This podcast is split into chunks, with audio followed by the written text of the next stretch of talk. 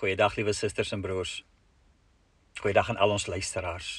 Liewe Florian wil. Dankie dat ons weer eens kan saam luister na die woord van die Here. Pinkstertye is altyd vir ons wonderlike tye, geseënde tye. Ons word diep geraak deur die Here en deur sy woord, gelei deur die Heilige Gees. Ons kyk hierdie afgelope week na afgelope tyd na wat dit beteken om voor die aangesig te lewe van die Here, die lewe coram deo. En elke aand daarby stil gestaan. Ons raak bewus van ons groot verantwoordelikheid. Maar ons raak ook bewus van die groot genade wat daar is om te leef voor die aangesig van die Here. Vanaand is ons tema teenhoop op hoop.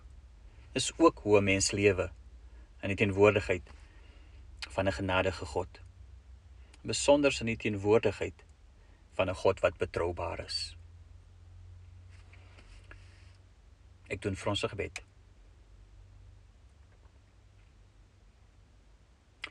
Dankie Vader vir 'n geleentheid weer eens. Ons is reg hier om na u woord te luister ons reg om te hoor Here wat u vir ons wil sê. En daarom soos altyd Here is ons gebed. Stuur Here u lig en stuur u waarheid. Amen.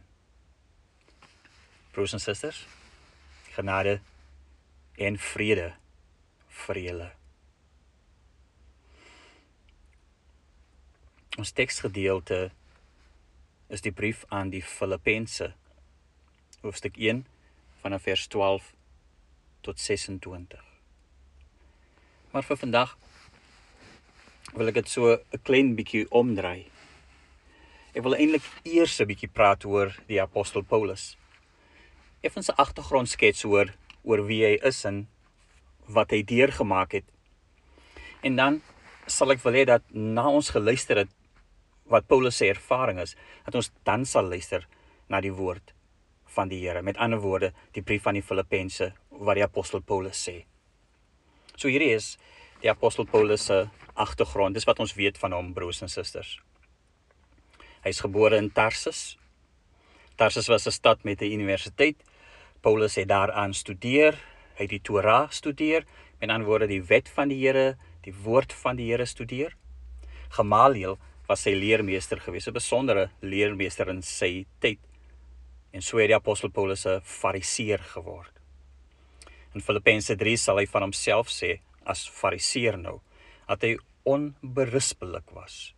Dat hy 'n voorbeeldige godsdienstige was. Met ander woorde, Paulus was die beste van die beste gewees. Ons ken Paulus later dat hy op grond van sy verstaan het, het van die van die woord en van die Torah het hy later 'n vervolger van die kerk geword.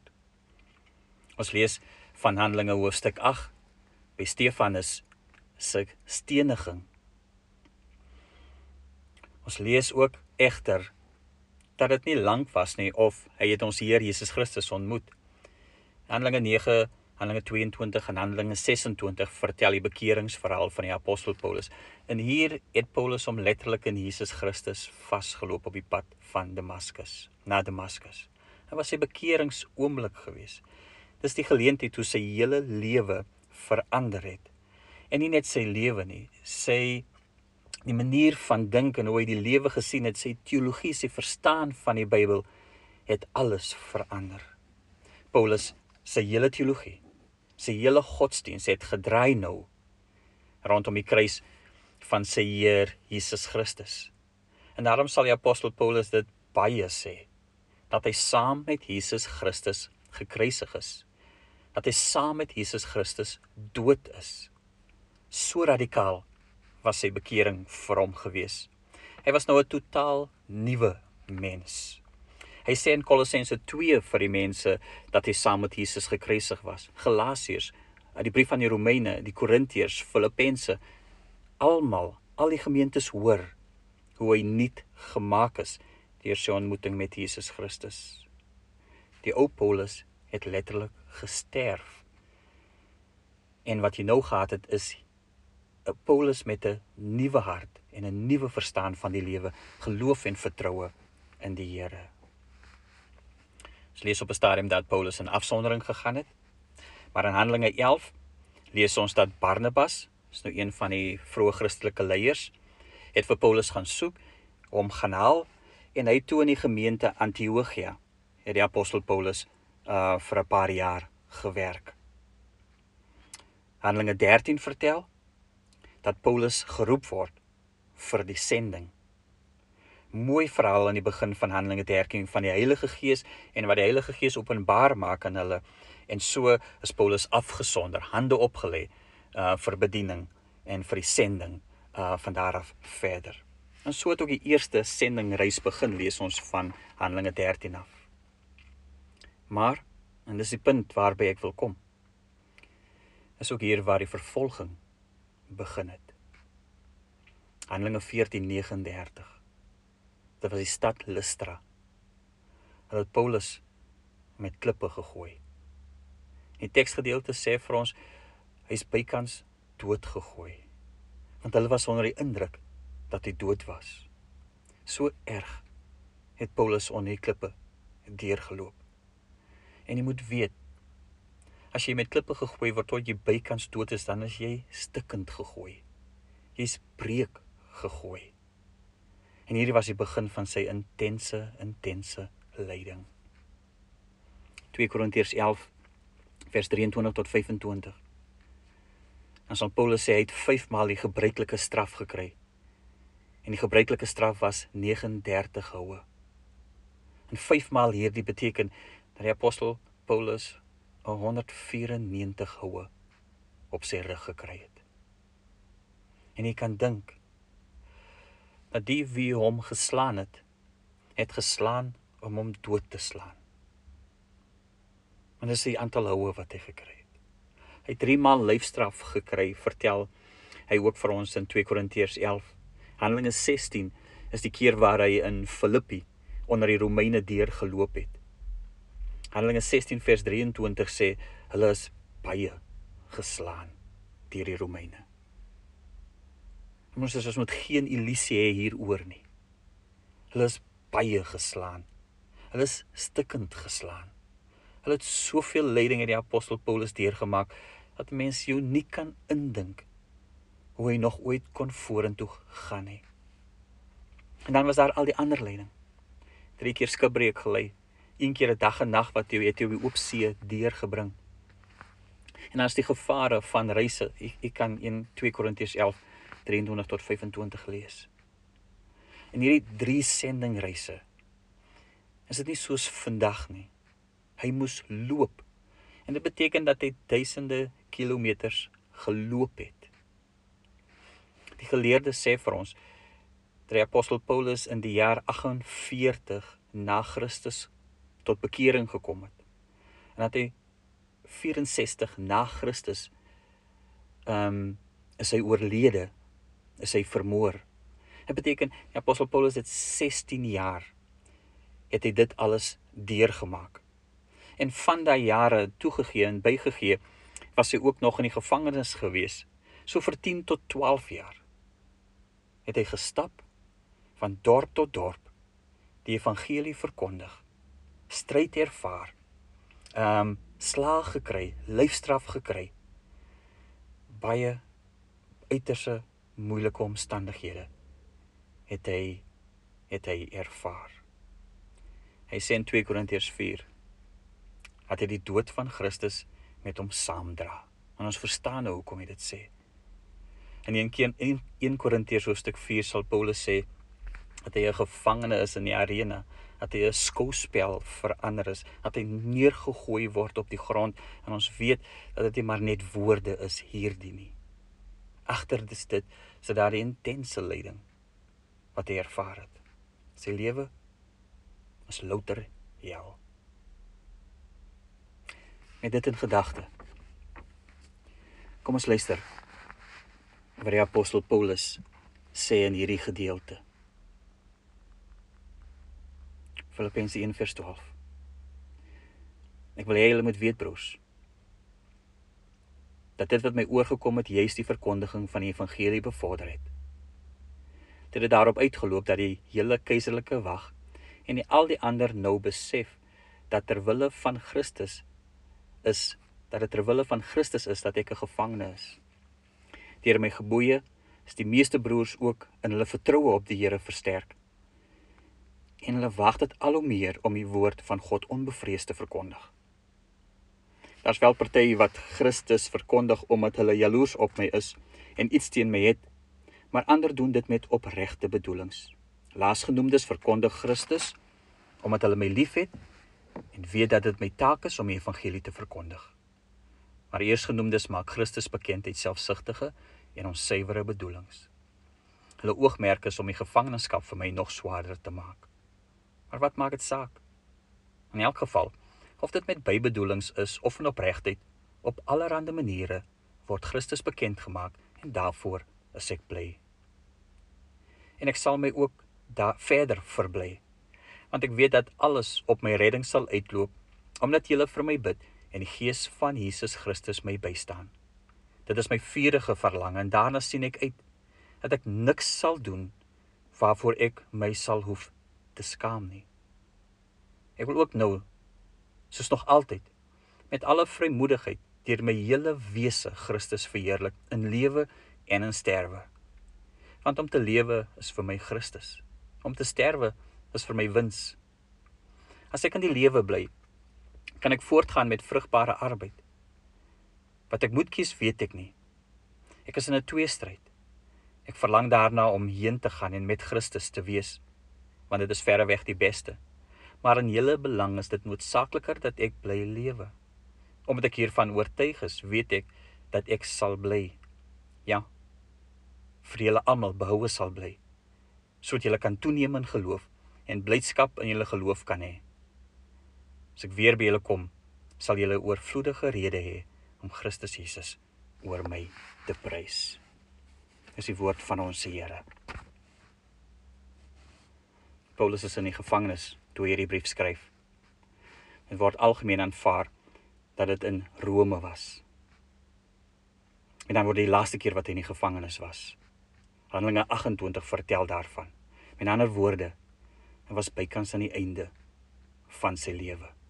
Bykans aan die einde. Met ander woorde as hy hierdie woorde sê, dan is dit na alle jare van intense lyding dat hy so praat oor die evangelie en oor sy geloof in ons Here Jesus Christus. Die brief gaan daaroor dat hy 'n besoek ontvang het van Epafroditus. En dit vir hom hulp gebring vanaf Filippi. Vers 4 vers 16 sê iets vir my behoeftes. Dis hoe Paulus dit noem. Dit is 'n gawe sê, 'n offer met 'n lieflike geur. En daarom skryf hy nou aan die gemeente wat oor hom besorg is. En hy skryf om hulle te bedank en vir hulle in te lig oor sy situasie. Maar dan skryf hy en hy gee vir hulle hierdie absolute positiewe versekering. Dat selfs nou sy gevangenskap nie skade beteken nie, maar dat dit wins is. Want dit is ter wille van Christus dat hy in die tronk is. Is waar, nie ter wille van die feit dat hy 'n misdadiger is nie. En tweedens, wen dit die broers en susters se vertroue en versterk dit ook hulle getuienis. Daar is negatiewe optredes het ons gelees teenoor was mense wat sy gevangenskap nog swaarder wil maak. Maar hy laat hom nie eens hiervan van stryk bring nie. Omdat hy weet sê vers 19 dat alles op sy redding sal uitloop.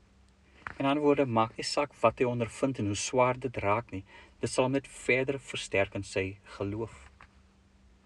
Vers 19 sê ook dat dit hulle gebede is, die Filippense se gebede is, maar ook dat dit die gees van Jesus Christus is wat hom staande hou. Paulus sal staande bly omdat hy staande gehou word. En daarom al wat Paulus wil doen is dat hy Christus wil verheerlik deur sy lewe. Maar ook Christus wil verheerlik deur sy sterfte. Beide is hom wins. En as hy praat oor wat dit beteken is om te lewe vir Christus, dan is daar 'n klomp goed en ek noem net vlugtig. En hy hy leef in die gesindheid van Christus. Dis sy wins vir hom. Hy word gedra deur die krag van Christus. Alles is vir hom meer niks is vir hom meer waardevol as Jesus Christus nie. Hy word aan Jesus gelyk in sy dood. Hy leef nie vir homself nie, maar hy leef nou vir die Here. Hy ervaar dat Christus in hom lewe. En daarom is die lewe vir hom wins. En spite van sy intense vervolging en lyding wat ons reg aan die begin genoem het. Dis hoe Paulus praat. Maar sterwe is ook vir hom wins. Hy sal saam met Christus wees dan nie. Hy sal sy loon ontvang. Indien hy sterf aan die hand van die Romeine, sal sy sterwe ook wins wees. Dit sê. En dit sal die verspreiding van die evangelie verkondig. U onthou die mooi uitspraak: The blood of the martyrs is the seed of the church. En dan word hierdeur sal die kerk groei. Daar's as jy praat oor sterfte, dan is daar geen sprake van omdat hy swaar kry of omdat dit moeilik is dat die Here hom liewer maar moet kom haal nie. Daar's geen sprake daarvan nie. Beide in lewens en sterwe het vir hom betekenis. Hy maak egter 'n keuse. Vers 23 tot 25. En sy en hy sê hy is ten gunste van die lewe. Hy sê dat dit vir hom 'n twee stryd was en hy kan dink, nê? Maar vers 23 tot 25 sê ek is in 'n twee stryd. Ek verlang daarna om heen te gaan en met Christus te wees, want dit is verreweg die beste. Maar in hele belang is dit noodsaakliker dat ek bly lewe. En spite daarvan dat hy saam met die Here kan wees en Christus kan wees, is dit vir hom noodsaakliker dat hy sal bly. Hy sê in vers 25: "Omdat ek hiervan oortuig is, weet ek dat ek sal bly, ja, vir julle almal behoue sal bly, sodat julle kan toeneem in geloof en blydskap in julle geloof kan hê." is vir hom noodsaakliker om te bly. Al weet hy dat dit nog lyding sal bring.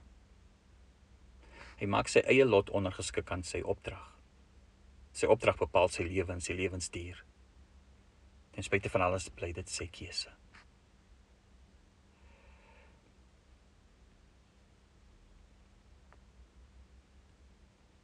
Die apostel Paulus se lewe maar daarmee sy lyding sou seker vir enigiemand van ons al laat ophou het gestop het op hierdie pad. Gesê daar's nie hoop meer nie. Kan nie meer nie. Is onmoontlik. Want in spite daarvan doen hy ter wille van Christus en hou hy vas aan wat hy weet sy opdrag is. Want hy weet wie hom geroep het en aan wie hy behoort. En daarom teen alle hoop in sal hy vashou aan dit waarin hy glo. En so die evangelie verkondig sodat ons vandag sy woorde kan lees, geïnspireer deur die Heilige Gees en so tot nuwe geloof kom en vreugde ontvang. Amen. Dankie Vader vir hierdie boodskap oor die apostel Paulus, sy lewe, sy lyding, maar uiteindelik ook Hemelse Vader sy betroubaarheid in sy roeping, sy getrouheid aan U teen alle hoop in het hy vasgehou. Ons kyk hier na Here en ons hoor dit alles. En ons diep in ons hart geraak, Here. Here, hoe U gehandel het met die apostel Paulus. Maak ons getrou, Here. Dankie Here dat ons U woord kon hoor. Die genade van ons Here Jesus Christus, die liefde van God ons Vader, troos en bemoediging van die Heilige Gees is met elkeen van u. Amen.